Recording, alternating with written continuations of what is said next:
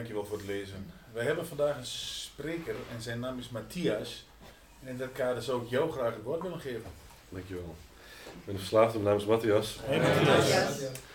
Ik eh, zou heel graag willen beginnen met een moment van stilte, gevolgd door het gebed op kant in de wijvorm. Even een beetje spanning eraf te halen. Hopelijk spanning eraf te halen.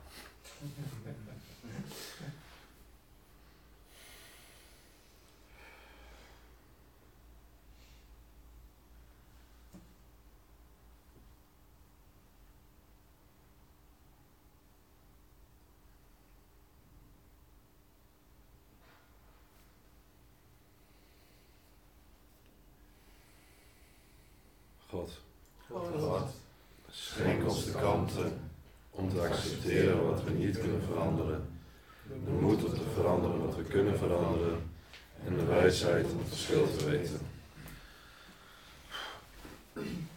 Ik zat vanochtend de auto hierheen en ik dacht, eh, ik ga lekker oppervlakkig beginnen met een stuk over mijn drugsgebruik. Maar ik zit hier nu en ik denk, er is helemaal niks oppervlakkigs aan, dat hele stuk met drugsgebruik. Ik, eh, ik ben juist heel veel dingen verloren door drugsgebruik. Heel veel vrienden, familie, mezelf, wa- wa- mezelf mijn eigen waarde bedoel ik dan. Mezelf respect. eh, heel veel angsten zijn erger geworden. Ik ben paranoia geworden. Ik wilde mezelf van mijn leven beroven. En altijd gaf ik de schuld aan iemand anders. Of ik gaf de schuld aan een plek waar ik woonde op dat moment dat niet goed voor me was. Of ik gaf de schuld aan mijn huidige vrienden. Of ik gaf de schuld aan mijn werk, waarbij ik dan waarschijnlijk niet goed ge- genoeg verdiende. En ehm, uiteindelijk kwam ik tot een punt dat ik echt dood wilde. En dat ik echt niet meer zag hoe ik verder moest gaan. Want het was gewoon elke dag hetzelfde. Elke ochtend dacht ik, eh, ik ga het niet gebruiken. En dat was binnen no time was die gedachte weer weg. En elke avond als ik dan weer in bed lag, vaak huilend, dan eh, dacht ik, ja, als ik morgen opsta, stop ik er gewoon mee. Ik kan gewoon niet meer verder zo. Mijn hele huis is gewoon een grote bende. Loop ik gewoon ongedierd in mijn huis rond. En heb ik gewoon scheid aan. Eh, mijn werk zegt wel dat ik oké functioneer, maar ik weet zelf dat ik veel beter kan. Je, ik doe helemaal niks met mijn leven. Wereld wordt steeds kleiner. Als ik mijn autolichten in mijn straat zag komen, dan gooi ik zo snel mogelijk alle stroom eraf, zodat ik niet eh, per ongeluk verrast kon worden door mensen die op bezoek wilden komen, omdat ik me zo erg schaamde voor mezelf. En ehm, er was op een gegeven moment een punt dat ik dacht, ik wil niet meer zo verder. En toen dat punt daar eenmaal was, ehm, kreeg ik op een of andere manier de ingeving, misschien moet ik gewoon stoppen met drugs. Misschien is dat gewoon het probleem. Misschien moet ik hier gewoon echt mee kappen. Misschien moet ik echt hulp vragen voor het eerst in mijn leven. Want ik ben mijn hele leven heb ik altijd geprobeerd alles in mijn eentje te doen. Zolang ik me maar kan herinneren. En eh, via een omweg ben ik dus bij een naar terechtgekomen. En dan kom je hier binnen en dan zie je een aantal mensen. Gelukkig zitten er nog veel van vandaag de dag. En die zijn gewoon meerdere jaren clean. En dan denk je, hoe dan? Hoe kan dit? Hoe kun je in vredesnaam zo lang ervan afblijven? Je, elke dag, het enige waar ik mee bezig was, met, was met drugs halen. Of bedenken hoe ik zo snel mogelijk ergens weg kon komen, zodat ik weer aan de drugs kon gaan. En als het opraakte, was ik alweer aan het bedenken, kan ik nog wat ergens bij regelen of zo. Hoe kun je in vredesnaam zo lang ervan af zijn? En ehm, toen dacht ik eerst van, nou, deze mensen zullen waarschijnlijk wel gewoon aan het, aan het lullen zijn. Of niet zo heel lang in gebruik hebben gezeten. En dan hoor je die verhalen en dan hoor je gewoon dat zij veel langer in gebruik hebben gezeten. En dan denk je, oké, misschien moet ik hier maar heen blijven gaan. En er staat ook op die eh, voorleeskaart die ik net voor me had, die wat is het Anonymous programma, dat we uit onze ervaring hebben gezien dat de mensen die regelmatig naar onze meetings blijven komen, clean blijven. Toen dacht ik, nou, dan moet ik dat maar doen. En zo ging het dus ook. Ik kwam elke keer vijf minuten voor de meeting kwam ik aankakken, ging op de meeting zitten. Ondertussen was ik aan het denken, wat ga ik thuis doen? Want eh, ik wil je eigenlijk helemaal niet zitten. En zodra de meeting afgelopen was, dacht ik, nou, ik rook nog wel even een sigaretje boven op het terras wat we toen nog hadden. Gewoon voor de vorm. En dan ben ik zo snel mogelijk hier weer weg. En uiteindelijk veranderde helemaal niks. Ik was clean. Ik zat thuis nog steeds heel veel op de bank. Mijn huis was nog steeds bende. Eh, ik was alleen nog maar bezig met obsessies. En ik voelde me gewoon nog steeds vet kloten. En ehm, vaak op de meetings kwam ik wel vrij vrolijk over. Maar dat was meer zo'n showtje omdat ik niet wilde laten zien aan mensen dat ik me gewoon totaal niet op mijn gemak voelde. En liever daar ook niet wilde zijn, want ik vond het gewoon super eng om onder de mensen te zijn. En al helemaal onder mensen die ik als voorbeeld zag, omdat zij zo lang al clean waren. En ik gewoon niet. En ik, ik vond gewoon dat ik niks waard was, dat ik niks te brengen had. En uh, toen ik hier wat langer kwam, hoorde ik dus ook mensen praten over een sponsor, hoorde ik mensen praten over schrijven, lezen, bidden uh, en uh, mediteren ook nog. En over spirituele principes. En dat heb ik bellen ben ik vrij snel gaan doen. En daar merkte ik ook wel het voordeel van. Dat ik gewoon even niet meer in mijn hoofd zat. Dat het gewoon eventjes rustig was. Maar de rest dacht ik van, nou, dat komt allemaal wel. Maar uh, het probleem was gewoon, drugs was weg. Maar mijn probleem was niet weg. En ik moest echt achterkomen dat het probleem wat ik had, dat het in mij zit. En dat ik daar niet voor weg kan lopen. Hoeveel ik ook Netflix keek, hoeveel ik ook gamede, het bleef gewoon nog steeds een probleem ik, ik kreeg niks gedaan. Mijn leven werd niet beter. Ik voelde me niet beter over mezelf. En um, er moest gewoon weer een bom barsten in, terwijl ik clean was. Ik was niet echt heel erg in herstel, als ik heel eerlijk ben. Om tot het besef te komen van oké, er is meer nodig dan alleen maar naar een meeting gaan, af en toe even een belletje doen en uh, that's en clean zijn. Het moet meer. En vanaf dat moment ben ik beter gaan luisteren op de meeting. En uh, toen kwam ik erachter dat ik een ziekte had. En dat die ziekte eigenlijk mijn hele leven al bij me is. Want vanaf kinds af aan vond ik het al verschrikkelijk om onder de mensen te zijn. Als ik een verjaardag had thuis, dan deed ik de deur open, maar daarna dacht ik, ik wil zo snel mogelijk hier weer weg. Weet je, eh, als er iets buiten gebeurde, eh, ik ben een paar jaar lang ben ik gepest en ehm, ik wilde me eigenlijk alleen maar opsluiten en me met Knex of, of Lego of weet ik veel wat bezighouden, zolang maar niet iets normaals hoefde te doen. Ik vond het echt verschrikkelijk. En, uh, ik kwam er gewoon achter dat ik voor elk gevoel wat ik heb, heb ik wel een bepaalde manier om mee om te gaan. Het was, of het was een hele negatieve emotie en dan wil ik daarvoor vluchten door eh, een obsessie te gaan najagen. Dat deed ik als kind al, dat deed ik als tiener al en dat, vandaag de dag heb ik nog steeds wel die neiging. Of als ik me heel goed voelde, was het zo lang mogelijk tijd rekken om maar niet naar bed te gaan, want ik was zo bang dat ik de volgende dag me weer kloten zou voelen. En ik moest maar zo lang mogelijk wakker blijven, want nu voel ik me goed. En het was altijd najagen van een goed gevoel en weglopen voor een slecht gevoel. En uh, ja, dus ik had al, als op jonge leeftijd had ik daar al duidelijke tekenen van. En uh, tijdens drugsgebruik is het alleen maar erger geworden. Want uh, drugsgebruik zorgde er ook nog voor dat ik een wat hoger level aan, van scheid had. Je, ik vond als kind zijn had ik nog een soort gevoel van ik moet dit doen voor mijn ouders of ik moet dit doen voor mijn vrienden tijdens drugsgebruik ben ik al die vrienden ben ik gewoon kwijtgeraakt. Familie is ook gewoon allemaal verwaterd. Je, mijn ouders waren op een gegeven moment 25 jaar uh, getrouwd. En ik had het niet in mijn agenda geschreven. En ik was nog vol in gebruik, totdat ze mij belden van nee, kom je zo meteen ook. En dat ik gewoon dacht, holy shit. En uh, ik ben het gewoon vergeten en met een zwak excuusje ben ik maar niet gegaan. En uh, toen hoorde ik aan mijn ouders dat ze al op de achtergrond was al eentje aan het huilen. En ik, ik heb ze daarna gewoon heel lang weer genegeerd. En zo ging het altijd. Ik, ik had gewoon een veel hoger level van scheid. En ja, ik moest daar gewoon, um, gewoon achterkomen dat er iets in mij zit waar ik niet voor kan weglopen. Wat de hele dag altijd maar aan mij blijft trekken. En het fijne was ook dat ik hier op de meeting wel hoorde dat er altijd een oplossing voor was. Dat ik altijd iemand kon bellen. Dat als dat niet beschikbaar was, dat ik altijd nog een gebed kon doen. Dat ik altijd een stuk kon lezen. En dat ik ook uh, kon gaan mediteren. En nou ja, toen ik op den dure sponsor kreeg, werd er mij ook verteld dat misschien schrijven ook wel een goede optie is. Nou ja, zo, zo werd het natuurlijk niet gebracht. Maar het is een dagelijks programma, heb ik geleerd. En ik moet gewoon dagelijks die dingen doen. Want op dagelijkse basis uh, ik gewoon, wat altijd aan mij getrokken door mijn ziekte. Je, ik heb... Uh, ik heb bijzonder veel angst, daar ben ik achtergekomen door uh, mijn schrijfwerk. Je angst om niet goed genoeg te zijn. En dat uitzicht natuurlijk ook weer in angst om te falen. Uh, angst om niet gezien te worden. angst om minder te zijn dan anderen. Angst om verlaten te worden. angst om afgewezen te worden, noem het allemaal op. En in mijn schrijfwerk, in het begin kwam ik daarachter. En toen dacht ik echt, jezus, wat ben ik, wat ben ik verknipt zeg. Dit, is, eh, dit, gaat, dit gaat dieper dan dat ik dacht.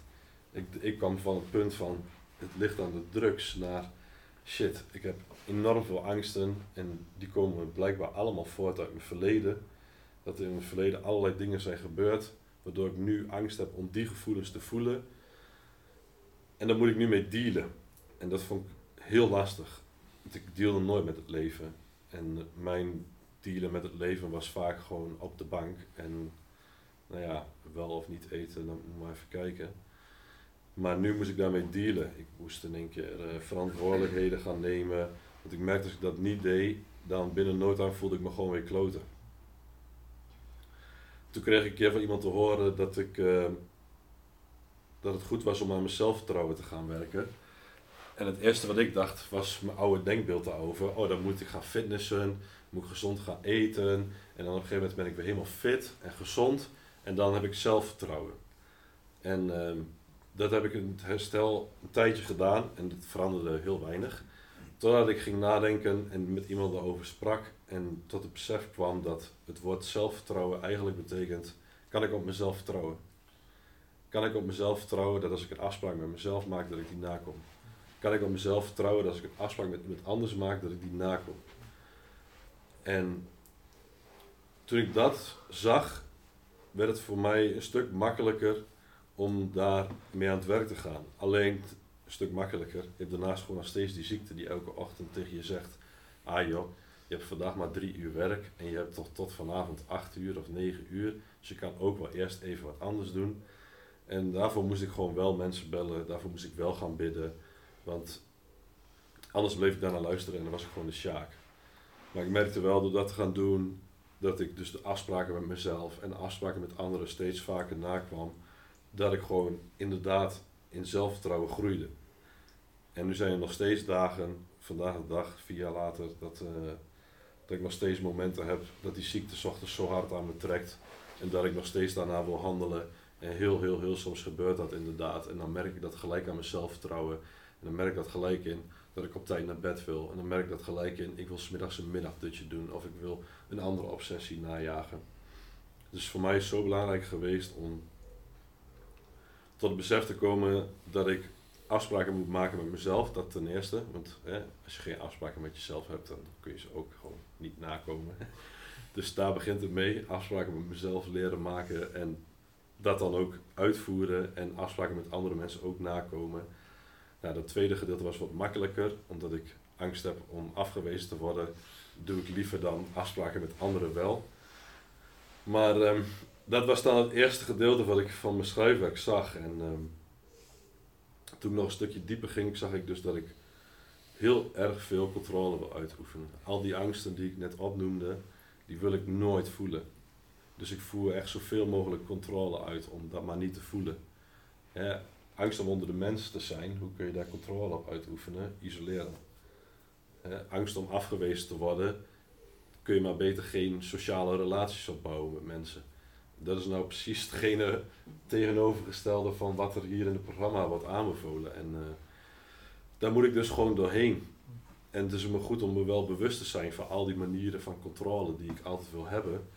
Om maar niet te voelen wat er mij als kind aangedaan is. Want daar komt het uiteindelijk op neer. Er is iets in het verleden gebeurd waar ik heel veel negatieve gevoelens aan heb overgehouden. En vandaag de dag hoeft er maar iets te gebeuren en dat gevoel van vroeger komt gelijk weer terug. Dat doet pijn en daar wil ik voor vluchten en daar wil ik voor weg. Maar ik weet dat dat niet de oplossing is. Ik moet hier zijn, ik moet met mensen bellen, ik moet uh, mijn schrijfwerk doen. En het belangrijkste is misschien nog wel dat ik eerlijk moet zijn. Dus, en um, dat is een, uh, een van de spirituele principes waar ik het nog niet over heb gehad. Het zijn natuurlijk die vijf tools die we die ik heb geprobeerd en nog steeds probeer elke dag toe te passen. Maar die spirituele principes die horen er net zo goed bij. Eerlijkheid, openheid van geest, bereidwilligheid zijn de drie basisprincipes die we hier hebben. Maar eerlijkheid, joh, het staat moeilijk.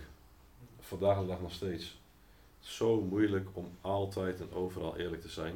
vanaf, ik kan me niet herinneren hoe lang, maar ik denk vanaf heel klein kind af aan dat ik altijd al loog tegen mijn ouders over alles en nog wat. Weet je, ik had weer iets uitgehaald en dan ging ik weer een heel lulverhaal eromheen houden. Weet je, of eh, op school als ik iets had gedaan, dan was het ook gelijk weer oneerlijk zijn. Of als ik eh, iets moois had gedaan op de sport vroeger, dan moest het thuis nog tien keer zo groot worden gemaakt. En dat is ook weer een vorm van liegen. En dat is mijn hele leven zo doorgegaan. En dat is in gebruik, nou ja, wel een heel stuk erger geworden dan daarvoor. Want eh, toen moest ik nog over veel meer dingen liegen. En toen ik hier kwam en ik moest eerlijk worden over bepaalde dingen, dat vond ik zo moeilijk. Sommige dingen wil ik gewoon niet naar terug, sommige dingen wil ik gewoon niet voelen. Sommige herinneringen wil ik gewoon niet aandenken. En om dat dan eerlijk met iemand te delen, dat is, was zo moeilijk. Dat je, überhaupt de eerste paar maanden van mijn herstel belde ik mijn sponsor op en dan was het gewoon, ik heb dit en dit gelezen, maar ik snap het niet. En het ging nooit over mij. Het ging nooit over wat er bij mij aan de hand was, wat ik voelde, wat ik dacht. Wat er bij mij niet zo lekker liep op dagelijkse basis. Dan moest ik eerst eerlijk worden naar mezelf. Eerlijk worden naar mezelf dat er iets niet goed is in mij. Dat, er iets, dat ik dingen niet voor elkaar krijg voordat ik dat naar andere mensen kon worden. En er zit ook een stukje vertrouwen in. Want je moet dus ook mensen gaan leren vertrouwen om eerlijk naar hun te kunnen vertellen wat er dan precies verkeerd gaat bij je. En uh, ja, daar heb ik heel veel groei in moeten maken. En dat gaat vandaag de dag een stuk beter. Ik bedoel, ik zit hier nu gewoon eerlijk te vertellen. Dus uh, nou ja, dat is wel een groot punt. Maar er zijn nog steeds wel dingen die ik lastig vind om gelijk eerlijk over te zijn. En het is ook fijn dat er in het boek staat dat we die principes moeten beoefenen. Er staat nergens in het boek van we moeten eerlijk zijn, punt. Of we zijn eerlijk, punt. Ik moet die dingen beoefenen en daarbij hoort fouten maken, daarbij hoort bij dat ik niet altijd even eerlijk ben. En eerlijkheid is niet alleen uh, eerlijk vertellen wat er is, maar ook niet dingen achterhouden, verzwijgen. Je, en daarnaast die openheid van geest, dat is uh, iets wat ook gewoon door die ziekte soms bij me weg wordt genomen. Dat uh, ik gewoon nog steeds hier zit en dan denk van ik heb er niet zoveel zin in vandaag op een meeting. Dan moet ik gewoon echt bidden om, om te vragen om openheid van geest. Want op dat moment alles in mij schreeuwt gewoon van ik heb hier geen zin in. En dat is ook iets wat moet groeien. En dat is ook iets waar ik heb van gemerkt. Dat is ook iets wat in golven gaat en het komt en het gaat. Maar daarnaast heb je ook acceptatie, nederigheid, vergevingsgezindheid, liefdevol zijn. Noem het allemaal op. En dat zijn uh, hele lastige dingen. Want door mijn, uh, nou ja, als ik het heel eerlijk zeg, door mijn vooropleiding word je nog niet echt bepaald heel nederig gemaakt. Want jij zit op een bepaald niveau en alles wat eronder zit is gewoon slecht en, en niet slim. En dat is zo wat je gewoon, nou ja, geïndoctrineerd wil ik haast wel zeggen. En ik was dus ook extreem veroordelend tegenover andere mensen. Altijd uh, kijken naar hoe iemand eruit zag. Of als mensen dachten dat ze beter waren dan mij, was ik daar ook extreem veroordelend over. En uiteindelijk heeft het me helemaal niks gebracht dan alleen maar ja, kloten voelen. En toen ik over dat onderdeel ging schrijven, kwam ik er wel achter dat op het moment dat ik mensen moet veroordelen, betekent dat dus eigenlijk dat ik me minder voel dan zij. Want ik heb dat nodig om me beter te voelen dan dat zij zijn. Dus eigenlijk vind ik mezelf minder. Dus dat betekent eigenlijk niet oké ben met mezelf. Dus waarom zou ik alleen maar bezig gaan met niet veroordelen, als ik ook gewoon bezig kan zijn met het feit dat ik niet oké ben met mezelf op dat moment. En dat ik daaraan kan gaan werken en dat ik daar met mensen eerlijk over praat en dat ik daarmee naar God ga. Want uiteindelijk kan ik heel veel over praten, kan ik heel veel over schrijven, maar uiteindelijk is God degene die bij mij al die dingen weg kan halen. En ik zelf niet, en jullie ook niet. Maar het is wel heel fijn dat ik bij jullie terecht kan om me af en toe uit te spreken. Want het kopje van mij is soms echt heel gek. Nou ja, daarnaast de acceptatie. Ook een hele moeilijke. Acceptatie is iets wat je verkrijgt. En ik was, ehm, toen ik hier binnenkwam, behoorlijk, had ik een behoorlijk kort bandje in het verkeer was ik nogal een road rager die mensen graag aan de weg zette en toeterde en een kontje aan het drukken was en het schelden was. En uh, hoe vaak ik wel niet uh, met op mijn plafond heb lopen rammen in mijn auto of eh, zonder shirt eh, schreeuwend uit het raam heb gezeten. Dat is niet normaal. En ehm, daar was de drugs weg, maar dan was dat stuk was er gewoon nog. En eh, ik heb echt vaak in het begin mijn sponsor moeten bellen, scheldend aan de telefoon over wat die automobilist voor mij aan het doen was. en uiteindelijk kwam het er altijd op neer, kijk naar je eigen aandeel. Kijk naar je eigen aandeel. Wat, wat ben jij aan het doen in deze situatie? En uh, wat ik aan het doen was in die situatie was dat ik mensen aan het veroordelen was. Dat ik een heel erg sterke mening had over hoe het verkeer zou moeten gaan. Dat ik daar geen controle over heb. En als ik daar dan geen controle over heb, dat ik dan helemaal door het lint in ga. En ik heb daar zoveel moeten over schrijven samen met supermarkten. Want supermarkten, daar lopen mensen vaak in de weg. En die lopen daar heel langzaam. En als ik bij de kassa kom en ik zie de oude mensen staan, dan ga ik daar niet in de rij, want het duurt me allemaal te lang. En dat is eh, een stukje geduld wat ik gewoon ook niet had. En wat ook een spiritueel principe was, wat ik moest beoefenen. Nou, ik moet zeggen, door heel veel oefenen, heel veel bidden, heel veel schrijven en bellen, is dat nu gewoon een stuk rustiger. Ik heb nog steeds wel de neiging om snel door een supermarkt heen te gaan. Maar in het verkeer druk ik niet meer, ben ik niet meer boos. Uh, ik scheld ook niet meer. Ik zit ook niet meer uh, op mijn, op mijn uh, dak in te slaan. En ehm, ik zit ook niet meer bij de supermarkt te analyseren welke kassarij zal het snelste gaan. Dus het, het, ik, weet je, het is gewoon zo bijzonder dat ik ben gegaan van het ligt aan alles en iedereen behalve mezelf naar nu zien dat het ligt altijd aan mezelf. Ik ben altijd degene die een bepaalde blik heeft op een situatie. En als dat dus niet zo gaat, dan word ik dus pist of dan draai ik helemaal af. Uh, of het is gewoon dat ik kijk naar een situatie en dat ik dan denk, ja, hier kan ik helemaal niks mee, ik ben weg. En dat ik me gelijk wil, wil isoleren.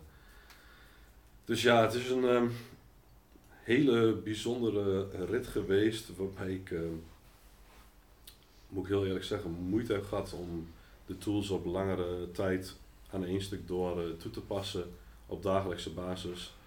En uh, die principes, dat is echt iets wat me helpt. En er wordt er ook nog aangeraden hier binnen het programma om een relatie te zoeken met een hogere macht. En in het begin zag ik er heel eerlijk gezegd niet het voordeel ervan in. Dus ik was wel gebedjes op kanten aan het doen, maar daar bleef het dan ook bij. Totdat ik op een gegeven moment behoorlijk vastliep in mezelf en dat ik mensen aan het bellen was en dat ik gewoon niemand te pakken kreeg en dat ik totaal aan het afdraaien was en dat ik daarna van iemand aan de telefoon te horen heb gekregen, heb je wel gebeden? En dat ik dacht van nee. En toen ik dat op een gegeven moment ben gaan doen, merkte ik gewoon dat de onrust in mijn hoofd een stuk minder werd. En vanaf dat moment ben ik wel steeds meer gaan bidden. Het was in het begin wel alleen ochtend en avond. En op de duur ben ik het ook steeds vaker door de dag heen gegaan gaan doen. Want als ik kijk naar stap 1, dan gaat het erom dat ik machteloos ben over de ziekteverslaving en uh, dat mijn leven onhanteerbaar wordt. En ik merk gewoon dat als door de dag heen loop ik altijd vast in situaties of loop ik vast in sociale relaties. En als ik dan pas s'avonds mijn gebed ga doen of s'avonds mijn tools ga doen, ja, dan heeft die ziekte er nog wel een stuk uh, of 6, 7 uur om nog even flink te huishouden. En dan is maar de vraag of ik dan uh, in isolatie ben of dat ik dan daadwerkelijk mijn gebedje ga doen. Dus ik echt moeten leren om door de dag heen te gaan bidden. En ik merk dat dat me heel veel rust brengt. Dus ik kijk naar het begin van, uh, van herstel. En dat had ik afgelopen donderdag volgens mij ook gezegd. Toen ik net terugkwam uit de, de klinische opname, toen zat ik in een huis en ik kreeg dag daarna kreeg ik te horen dat mijn huis verkocht was en dat ik nog een maand had om eruit te gaan. En het enige wat ik op dat moment voelde was enorm veel angst voor de toekomst. En ik ga dat nooit redden. En wie gaat er dan in vredesnaam in de maand tijd een huis vinden? En ik was zo bang, zo bang, zo bang. En mijn sponsor zei toen tegen mij van dat ik gewoon moest gaan bidden. Want ik voelde angst voor de toekomst. En ik moest op dat gebied uh, vertrouwen gaan ontwikkelen. En ik snapte er helemaal niks van, maar ik deed het maar gewoon. En ik moest het voetenwerk doen. En ik dacht echt van, wat is voetenwerk? En nou ja, uiteindelijk kwam ik erachter dat daarmee bedoeld werd dat ik moest gaan doen wat ik kon gaan doen. Dus ik was elke dag op zoek naar huisjes en makelaars aan het bellen en noem het allemaal op. En op momenten dat ik angst voelde, was ik aan het bidden, maar die angst die bleef gewoon. Ik had zoveel angst voor de toekomst. En ehm, uiteindelijk kwam het goed.